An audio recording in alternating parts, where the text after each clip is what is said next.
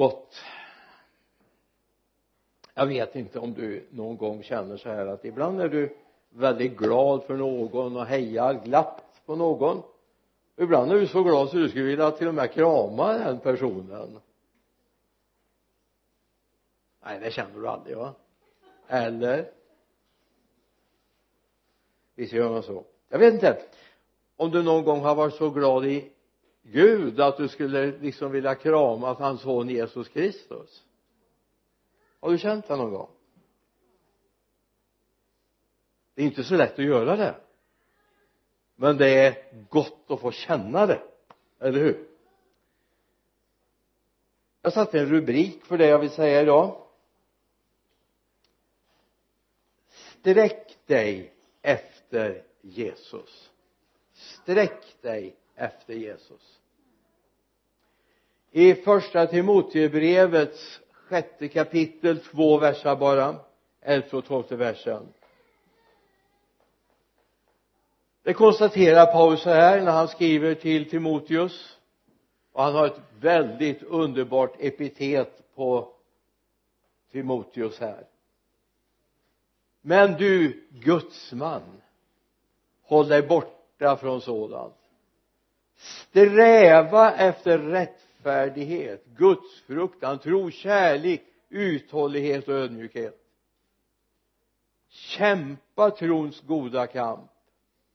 Grip det eviga livet som du blev kallad till och som du bekände dig till genom att avge den goda bekännelsen inför många vittnen.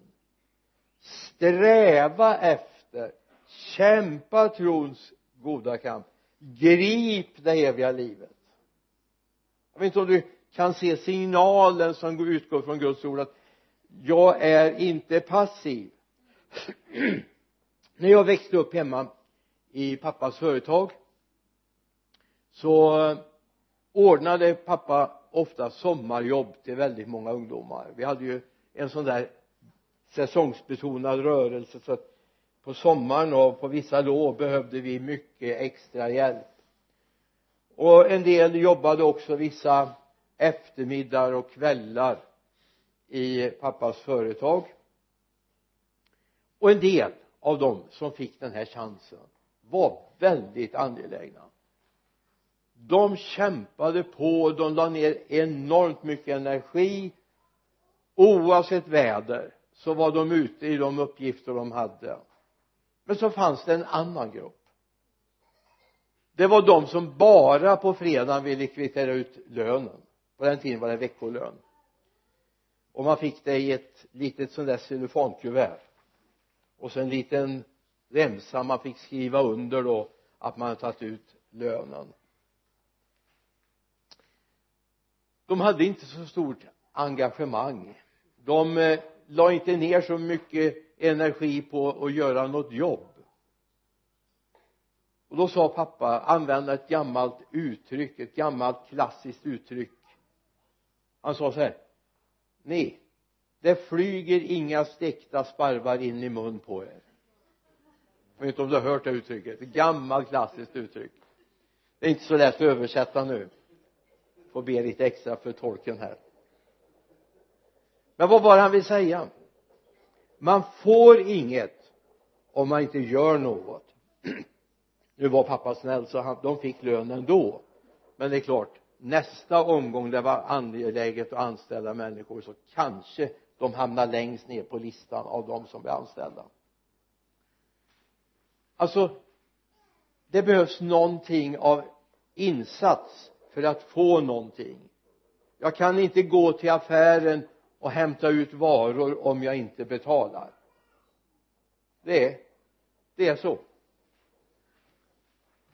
Vi hade människor på den tiden handlade man på bok. Nu är vi alltså tillbaka nästan på 1800-talet va? Åtminstone 1900-talets mitten. Det var många som handlade på bok och så betalade de en gång i månaden. En del var fjortonde dag när de fick sin lön. Men det fanns också de deras böcker blev fulla och de betalade aldrig. Och ibland var det ju så att det fanns inte det utrymmet. Och jag vet de där gångerna pappa tog fram boken tittade när de kom och sa det vi gör ett streck över det. Så börjar vi på ny kula nästa månad får vi se om det funkar då. Skulden var avskriven så att det, det, finns möjligheter i vissa sammanhang men testa inte det på på ICA Kvantum eller på Hemköp eller jag är inte säker på att det går eller Coop. Det, det funkar kanske inte. Eller troligen funkar det inte. Men så här är det också på det andliga området. En del tror att det här med kristenlivet det är som att hamna i ett godisregn men vad är det Paulus säger? Sträva efter rättfärdighet. Kämpa trons goda kamp. Grip det eviga livet. Alltså det behövs någonting av egen insats för att växa i tro och heliga gärningar.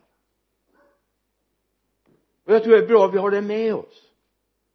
Att vi inte tror att det bara handlar om att lite nu och då kasta iväg en bön sådär och så förhoppningsvis så droppar det välsignelser över mig. Gud är nådig. Och jag vet att Gud välsignar ibland fast vi inte överhuvudtaget kanske har brytt oss så mycket om honom. Men vi växer inte i vårt andliga liv. Det kristna livet är inget quick fix. Det är inte det.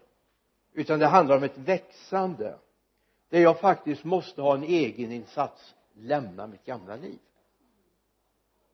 Jag kan inte både växa i den här världens ögon och i Guds ögon. Det funkar inte. Jag kan säga om du är på den linjen så kommer du förr eller senare bara satsa på den här världen. Och Gud kommer att komma på undantag. Det finns människor som tror att eh, det andliga livet är någon sorts sondmatning skapa och svälj eller de tror att Gud kommer med någon liten spruta med intravenös näring och ger oss i vårt andliga liv utan att jag behöver göra någonting. Så är det. Inte och du kommer bli illa medfaren om det erfara det att det här funkar inte. Därför det andliga livet kräver en insats. Det kräver ett jobb oj. Det hade jag inte tänkt. Men det är så. Frälsningen får du fritt och förintet. Men sen är det resan som kommer sen. Det kommer en resa. Och den måste du faktiskt betala ett pris för. Om du vill växa i tron.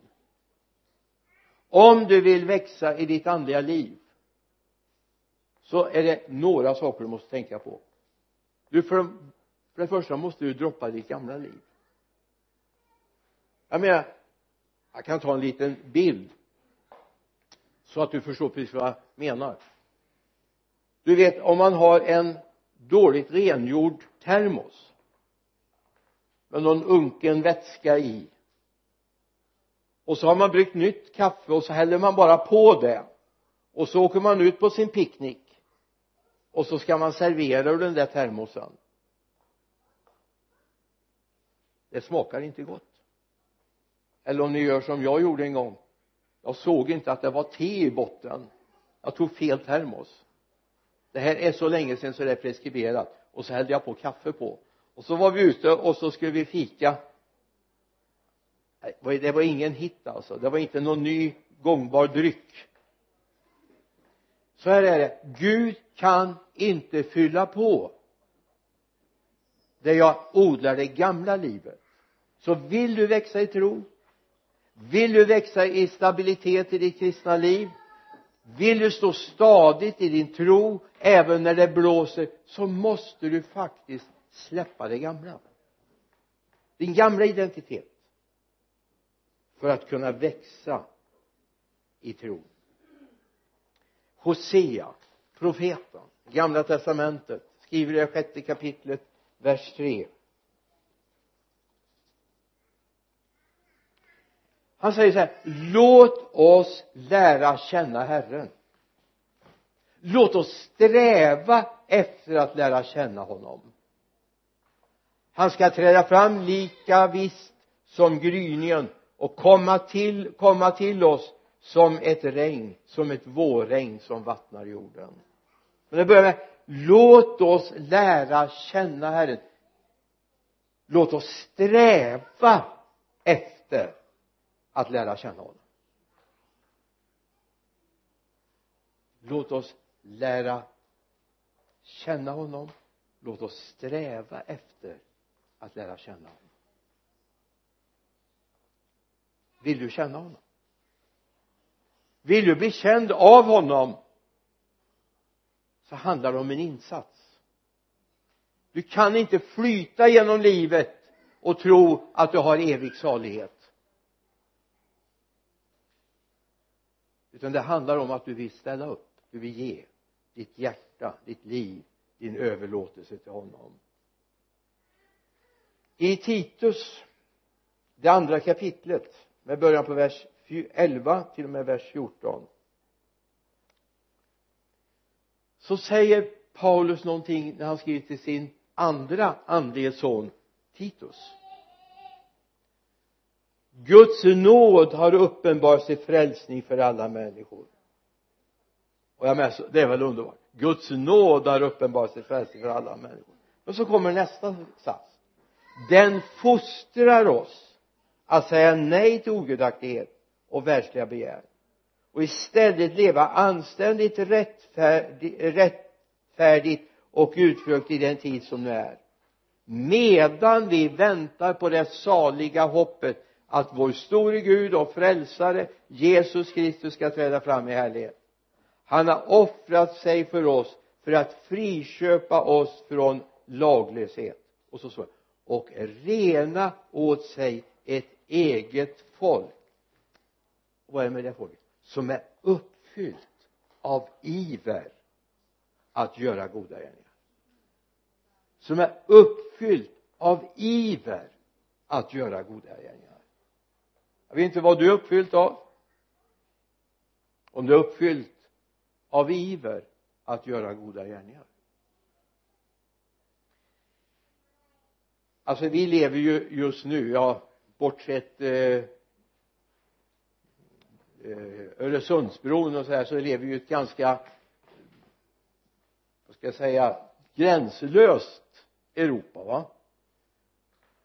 Jag vet på den tiden när vi åkte till Norge i min barndom till mina kusiner så fick man ha pass med sig. Och min eh, min bror och jag vi var inskrivna om det var i mammas eller pappas pass när vi var små. Och så småningom fick vi egna pass. Sen försvann ju det så man kunde faktiskt resa mellan länderna. Låt mig få säga det kommer inför den dag vi ska in i himlen så kommer det en passkontroll. Det är inte bara var och en som bestämmer att nu ska jag till himlen. Det kommer en kontroll. Och därför är du en sån som är uppfylld av iver? Är du en sån som har strävat efter rättfärdighet? En som har verkligen överlåtit sitt liv till honom? Eller är du en som bara flöt på?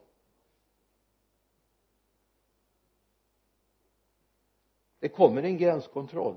Och jag tror det är bra om vi har det med oss. Att han kommer att slå upp böcker står det. Böcker kommer öppnas. Så kommer det se hur vårt liv har varit. Nu är det så här att de flesta av oss har alltså en, en historia som vi inte är stolta över. Det kanske inte du men jag. Jag har en historia jag inte är stolt över men då finns det någonting som heter Jesu blod. Det finns försoning det finns förlåtelse det finns upprättelse.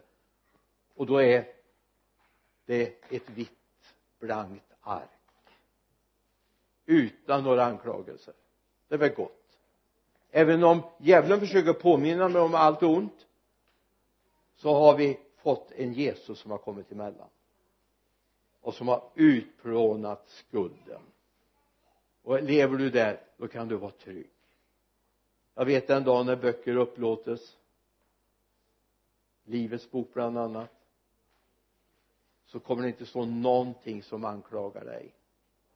Inte någonting kommer stå där. Därför att det är under Jesu blod. Du är förlåten. Du är renad. Och det är väl gott. Samtidigt nu blir jag lite paradoxalt. Å ena sidan handlar det kristna i livet om att sträva att kämpa och att gripa tag om. Å andra sidan handlar det kristna livet om nåd. Ingen prestation. Frälsningen är fritt och förintad frälsningen ger mig en möjlighet att gå den nya vägen samtidigt ställer också krav på att jag har lämnat det gamla livet. Att jag är beredd att gå med honom. Bibeln talar, vi kommer till det om en liten stund det talar om att det handlar om att både höra vad Gud vill och göra det Gud vill. Det är inte ordets hörare som kommer att bli rättfärdiga utan det är de som gör Guds vilja det är de som kommer till rätta i livet. Så att ha med det alltså å ena sidan är det inte en prestationslära det är inte en gärningslära vi har att förkunna utan det är nådens lära vi har att förkunna. Samtidigt utmanar oss nåden att handla att ställa våra liv till förfogande för honom. I hebreerbrevet konfronterar hebreerbrevets författare mottagarna. I tolfte kapitlet vi läser några versar från vers 2 för det är så gott att få börja där. Och låt oss ha blicken fäst på Jesus trons upphovsman och fullkomnare för att nå den glädje som låg framför honom uthärdade han korset utan att bry sig om skammen och sitter nu på högra sidan om Guds tron tänk på honom som fick utstå sådan fiendskap från syndare så att ni inte tröttnar och tappar modet. Än har ni inte stått än har ni inte gjort motstånd ända till blods er kamp mot synden. Alltså man låg i levde i kompromiss. Och ni har glömt uppmaningen från eh, som talade till er som söner min son förakta inte Herrens fostran och tappa inte modet när han tuktar dig. För den Herren älskar tuktar han och han agar var son han har kär. I Jakob det fjärde kapitlet vers 7 läser vi. Underordna er därför Gud stå emot djävulen så ska han fly för er vi kan ta med vers 8 också. Närma er Gud så ska han närma sig er. Rena era händer ni syndare och rena era hjärtan ni splittrade. Stå emot djävulen och vi ska göra det ända till blods. Alltså vi ska våga säga nej. Alltså det är ju aldrig så här att vi vet i starten att när vi säger nej till en frestelse. Det finns människor som lever under frestelse människor som har hela tiden ett beteende med sig som man helst inte skulle vilja ha. På många områden. Och så faller man undan och så säger man ja men det här fixar inte jag. Nej du ska inte fixa det. Du ska bara tillåta att han fixar det åt dig. Det är det det handlar om. Du ska tillåta att han fixar det åt dig. Han kommer aldrig köra över dig. Han kommer aldrig tvinga dig men han kommer att erbjuda dig en möjlighet. Och han gör det. Han gör det åt oss. Sträva efter rättfärdighet. Sträva efter att vinna det eviga livet. Sträva efter att gå med honom. Det är ett beslut jag måste ta varje dag jag måste ta ett beslut att den här dagen ska jag också sträva efter att gå med honom. Därför vi har hela tiden en avsvuren fiende som har synpunkter på det vi gör eller inte gör. Nu ska jag ta en bild.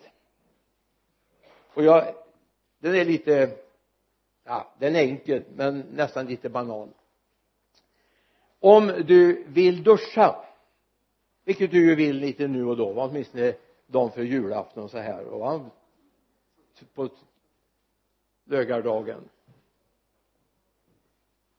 Så räcker det ju inte med att du är här och duschen är där borta och så tänker du nu ska jag duscha och så är du kvar här. Det blir inte så mycket av det, eller hur? Det fanns en gång i tiden sån här torrschampo man kunde ha i håret det var ingen hit ska jag säga. Testade det någon gång. Jag fick ett fetare hår än vad jag någonsin har haft. Men det var ju sån här man hade när man kampade och så här inte kom åt vatten alltid hade man torrschampo pulver man rörde runt i och sen försökte man borsta ur det va? 50-tal, 60-tal ja. Alltså om du vill duscha så går du till duschen. Det är väl ganska enkelt va? En enkel teologi, eller hur? Om du vill duscha går du till duschen. Om du vill bli välsignad av Gud så går du till honom. Eller hur? Är det svårt? Ska vi ta det en gång till? Det är landat? Bra vad är det att gå till honom? Det är att avsätta tid. Om. Om du vill bli välsignad. Om du vill bli uppfylld av honom ta tid med honom. Och när jag säger ta tid så har jag inte mätt upp att det är tre timmar eller ett dygn eller så det handlar om. Det kan ibland vara bara minuter men här är en tid som jag avsätter Gud. Nu vill jag vara med dig. Jag är på väg till jobbet men jag vill vara med dig nu. Hörde om en kvinna som jobbar inom regionen. De hade haft det väldigt jobbigt på hennes jobb. Hon sa jag, jag trampade hemifrån tio minuter tidigare. Så jag kom till arbetsplatsen. När jag kom dit så sa hon hör och häpna. Då gick jag in på damtoaletten låste om mig böjde mina knän och bad för dagen. De där extra minuterna hon hade fått. Hon hade bestämt sig. Jag vill vara med honom. Jag vill låta dagen få starta med honom. Så att jag menar det handlar inte om att avsätta dygn eller veckor. Det handlar om att jag bara bestämmer nu ska jag vara med honom då är det som att stiga in i den andliga duschen. Det är att stiga in i hans gemenskap.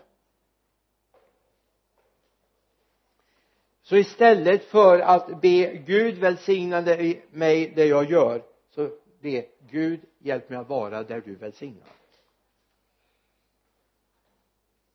Sen kommer Gud välsigna dig resten av dagen också. Även när du inte har tid eller möjlighet att avsätta tid med honom. Alltså att bli välsignad är inte att bara få en enkel resa men att känna att Gud jag går med dig. Även när det är problem så vet jag att du är med mig. Du stöder mig, du uppmuntrar mig oavsett om det är problem. För jag menar det finns arbetsplatser, det finns bra arbetsplatser och det finns mindre bra och det finns dåliga arbetsplatser. Det finns där till och med mobbning förekommer vilket är skolan som arbetsplats eller annat va? Och det är inte så här att vi ska bara kryssa undan allting som är besvärligt. Ibland behöver vi vara där. För det är så här att om Gud välsignar dig så kan det faktiskt vara så att Gud välsignar människor runt omkring dig. För du är en välsignelse. Du drar ner någonting av Guds närvaro när du är där.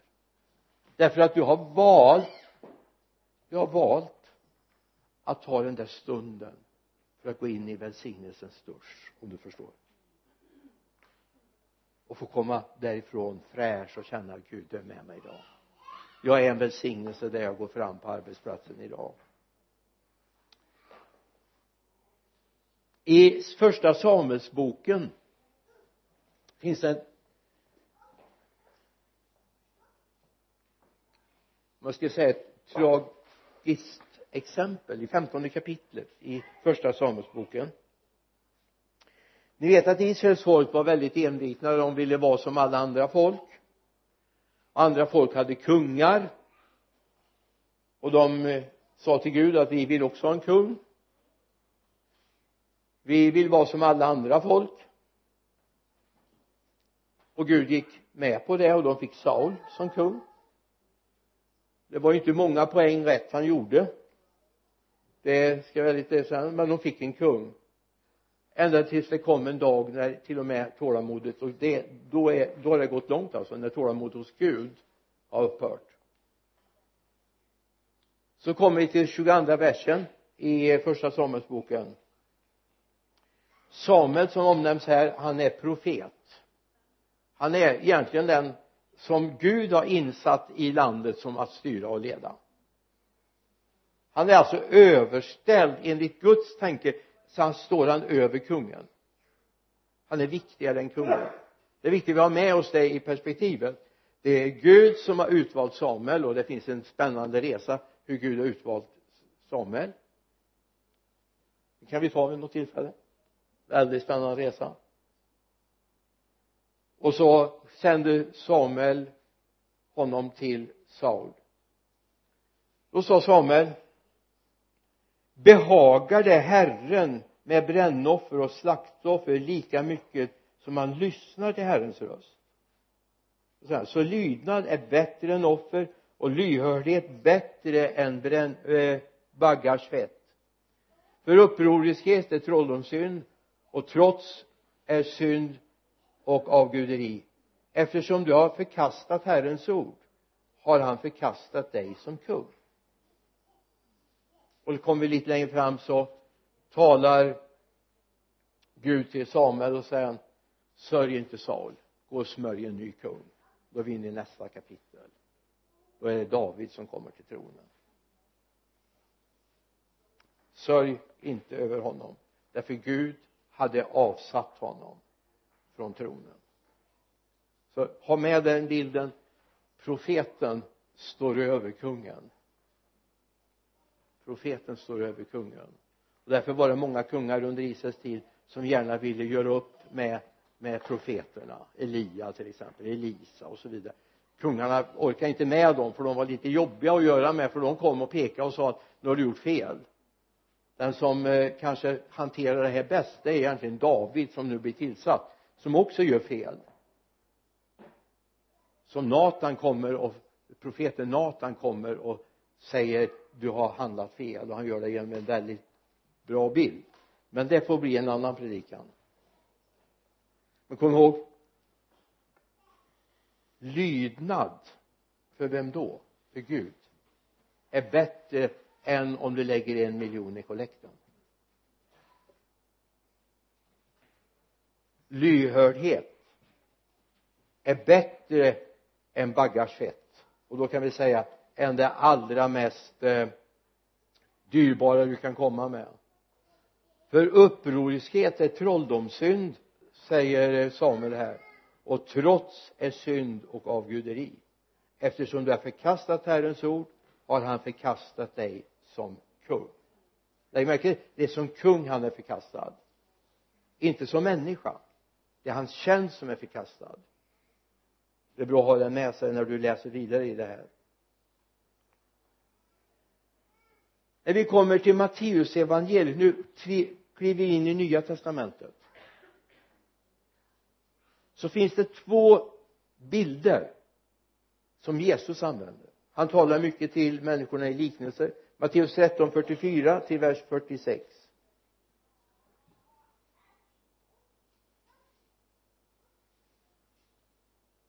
nej nu var jag på fel sammanhang. Det var inte det bibelord jag sa nu har skrivit in fel där. Men eh, det är sammanhanget där eh, man bygger hus. Eh, sju är det. Sju och 24 ja. Sju och 24 det var det vi skulle ha nu. Och ta fram min bibel. Det är väl bra att man har den med sig då.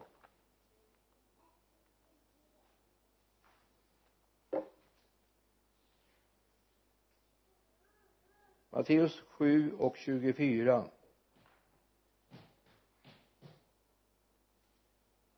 det var det. Då säger han så här den som hör dessa mina ord och handlar efter dem liknar alltså en klok man som byggde sitt hus på klippan. Regnet öste ner floden kom och vindarna blåste och kastade sig mot huset. Men det föll inte eftersom det var grundat på klippan vad är det som är grundat på klippan jo den som hör Herrens ord och handlar efter dem. Fortsätter vi att läsa så läser vi om en som hör ordet men inte handlar om efter det. Han bygger på lös sand med sitt hus och det faller omkull och dess fall blir stort.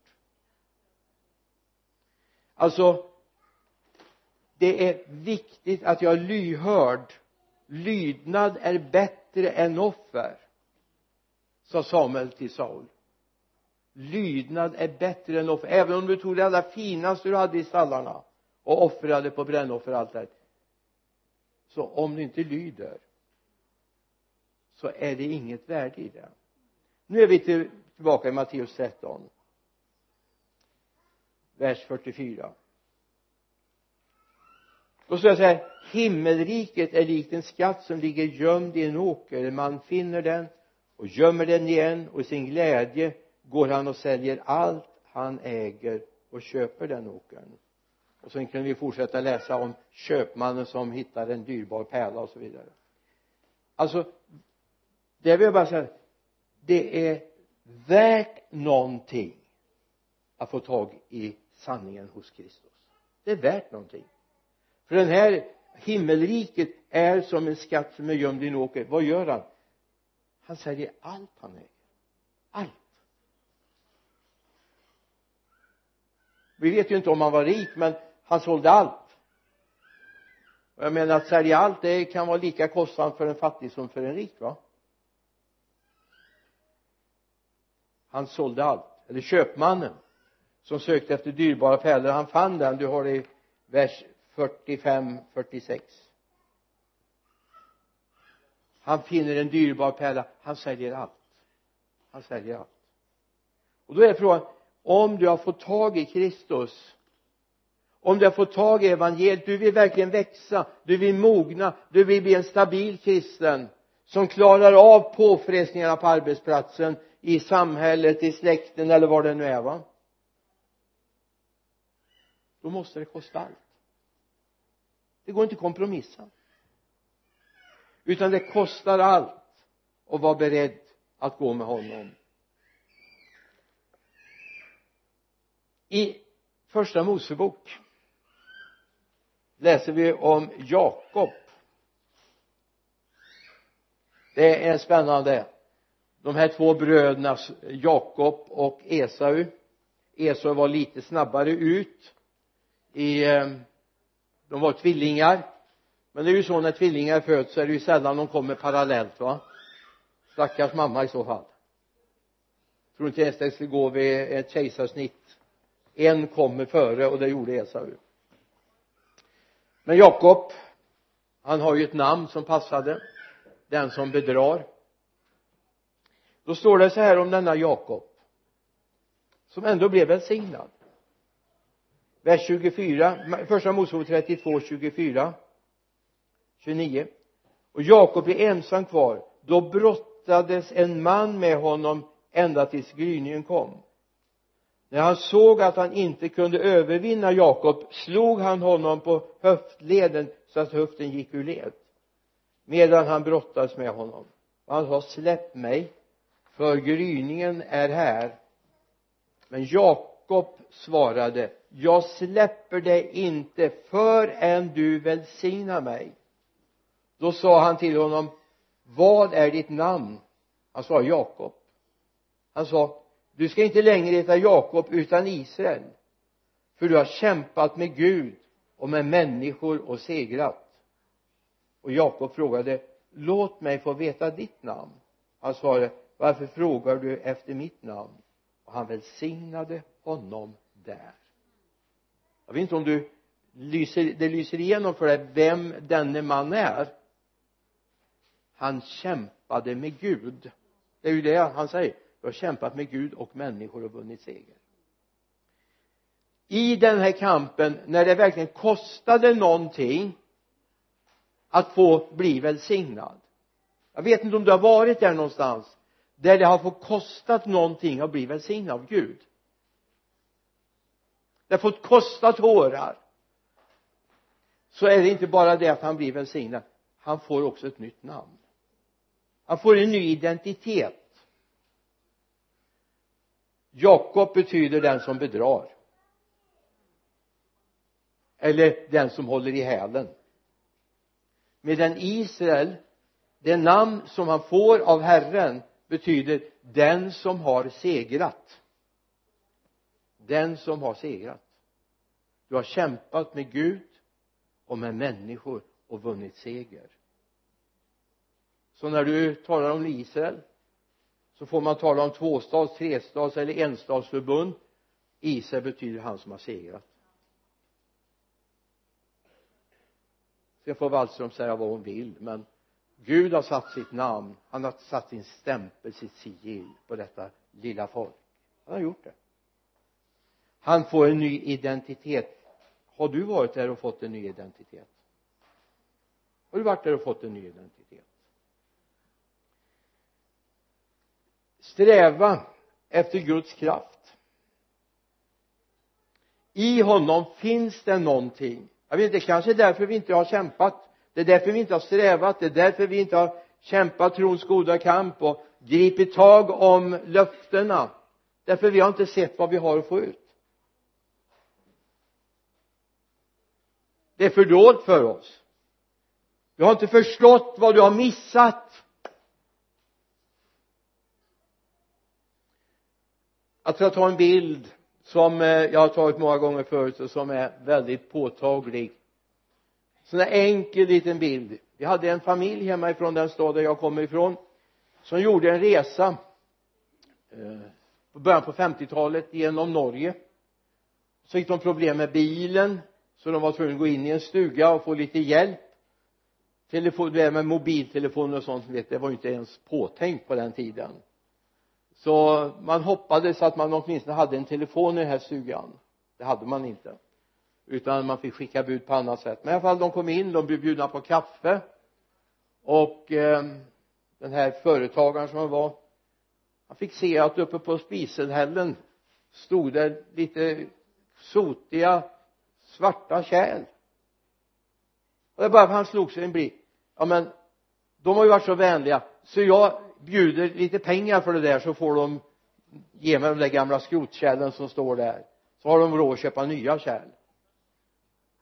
Och han ger dem en ordentlig summa därför de har varit så generösa mot dem. Fick stanna där tills hjälpen kom och så vidare med bilen. Och så när de kommer hem till stan de har en, en säck sotigt de vill inte lägga det i bilen. Så går han till en guldsmed hemma och säger kan du göra någonting åt det här? Jag kan ju inte ha det här sotiga.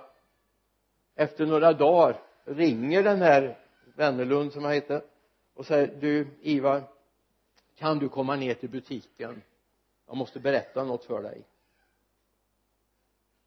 Ja han hoppar in i butiken.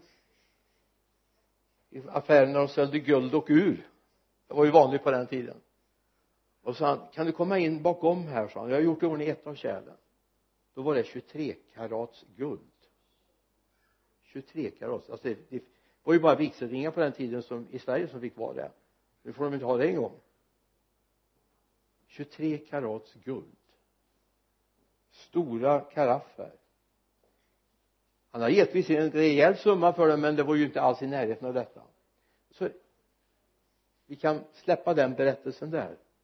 Men ibland är det så här att vi ser inte värdet i det Gud vill göra. Därför så kämpar vi inte vi strävar inte för att få det som Gud faktiskt har i beredskap för oss. Det kanske står någonting om du får, hänger med mig i bilden på spiselkanten där hemma som inte du ser värdet i. Det finns någonting av löften över ditt liv som du har fått någonstans under resan att Gud vill göra det eller Gud vill göra det över ditt liv. Men du har inte sett värdet i det. Och en del av det värde vi har fått kommer du inte kunna lösa ut förrän den dagen när vi ska ryckas honom till mötes.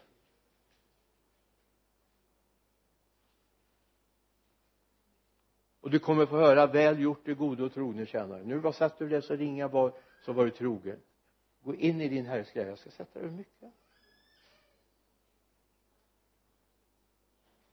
Det finns ett värde i det Gud har.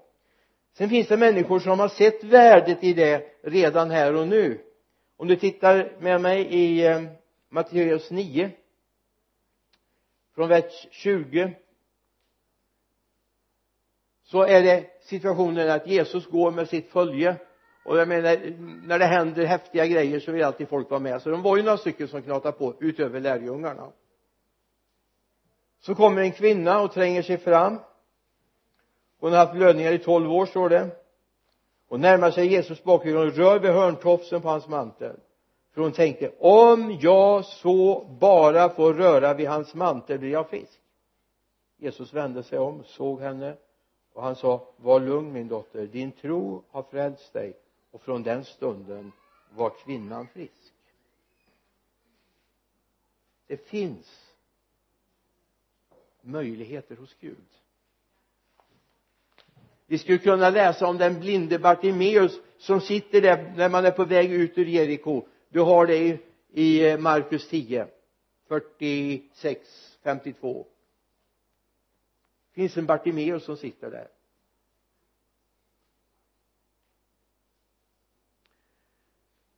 När han får höra att det är Jesus som kommer för han visste vad som fanns han, han visste vilka resurser som fanns hos honom så börjar han ropa Davids son förbarma dig över mig. Och man försökte tysta honom och säga nej nej nej nu ska du inte störa Jesus här. Han ropar ännu högre. Härligt med människor som går lite emot folkets vilja där va och försöker hindra att det får inte bli för, för, för bra nu och Jesus kallar fram honom och säger vad vill du att jag ska göra för dig? Herre ge mig min syn. Och Jesus välsignar honom. Han får sin syn. Och han får gå i tro. Han, Jesus säger gå, i vers 52 gå din tro har frälst dig. Och genast fick han sin syn och följde Jesus på vägen. Alltså skulle vi gjort en en rapport i, i TTELA eller Göteborgsposten eller Bohuslänningen om det här. Vad tror du han hade berättat mest om? Ja, jag är ganska övertygad att han hade inte berättat om alla åren han levt blind. Och vissa dagar fick jag in väldigt lite pengar. Vissa dagar var väldigt jobbiga. Och det var så jobbigt att sitta där vid stadsporten i Jeriko jag är övertygad om att det han berättade om det var det kom en man som heter Jesus. Davids son. Och jag ropade och han kallade fram mig och jag har min syn. Alltså det finns någonting hos Jesus. Har du upptäckt det? När du upptäcker det kommer du se allt du hade. Allt var värt att lämna. Problemet med kristenheten i stort idag det är kompromissen. Man vill både ha den här världens bekvämlighet och så vill man ha allt som Gud har. Men det går inte. Det funkar inte men om du ser allt Gud har i Matteus 6 och 33 står det sök först Guds rike och hans rättfärdighet ska du få allt det andra också. En del säger att får jag bara allt det andra så kan jag väl söka Gud sen då. Men då får du inte allt det andra och du får inte hans välsignelse. Jesus är en välsignelse och han kan vara det för dig. Den 26 februari 2017 kan bli vändpunkten i ditt liv. Kan bli vändpunkten i ditt, ditt liv.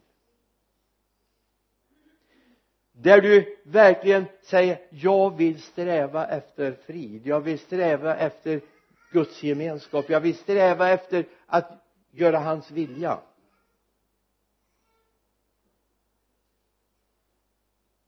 Det är den här dagen som kan förändra så mycket för dig. Du kan få en ny tid tillsammans med honom. Så som kvinnan sträcker sig efter hörntofsen så som mannen ropar den blinde mannen Bartimeus ropar till Jesus. Och får en ny tid. Så kan Gud också välsigna dig det handlar inte om att du ska lämna allt i den här världen och försvinna ut i något tomt intet. Men det handlar om att ha en prioritet där han får vara först. I allt. I allt. Den dagen jag tog emot Jesus så fick jag göra en väldigt kraftig sväng i mitt liv. Det fanns saker som var viktiga för mig som var mitt liv. Bland annat min hobby var mitt liv. Mitt jobb var mitt liv. Eller utbildningen som jag höll på med. Hade erbjudanden både inom idrotten och på jobbets sida. Gud sa mig först. Mig först. Och det fick konsekvenser det fick konsekvenser. Just då just då kändes det jobbigt. Jag måste ringa min chef och säga att det blir inte det här jobbet. Du har, ni har lovat att betala min utbildning. Det blir inte det. Jag går en annan väg. Faktum var att jag till och med fick bryta med mina föräldrar för de hade satsat på att jag skulle ta över företaget eller min pappa åtminstone. Och idrotten fick jag lämna på hyllan.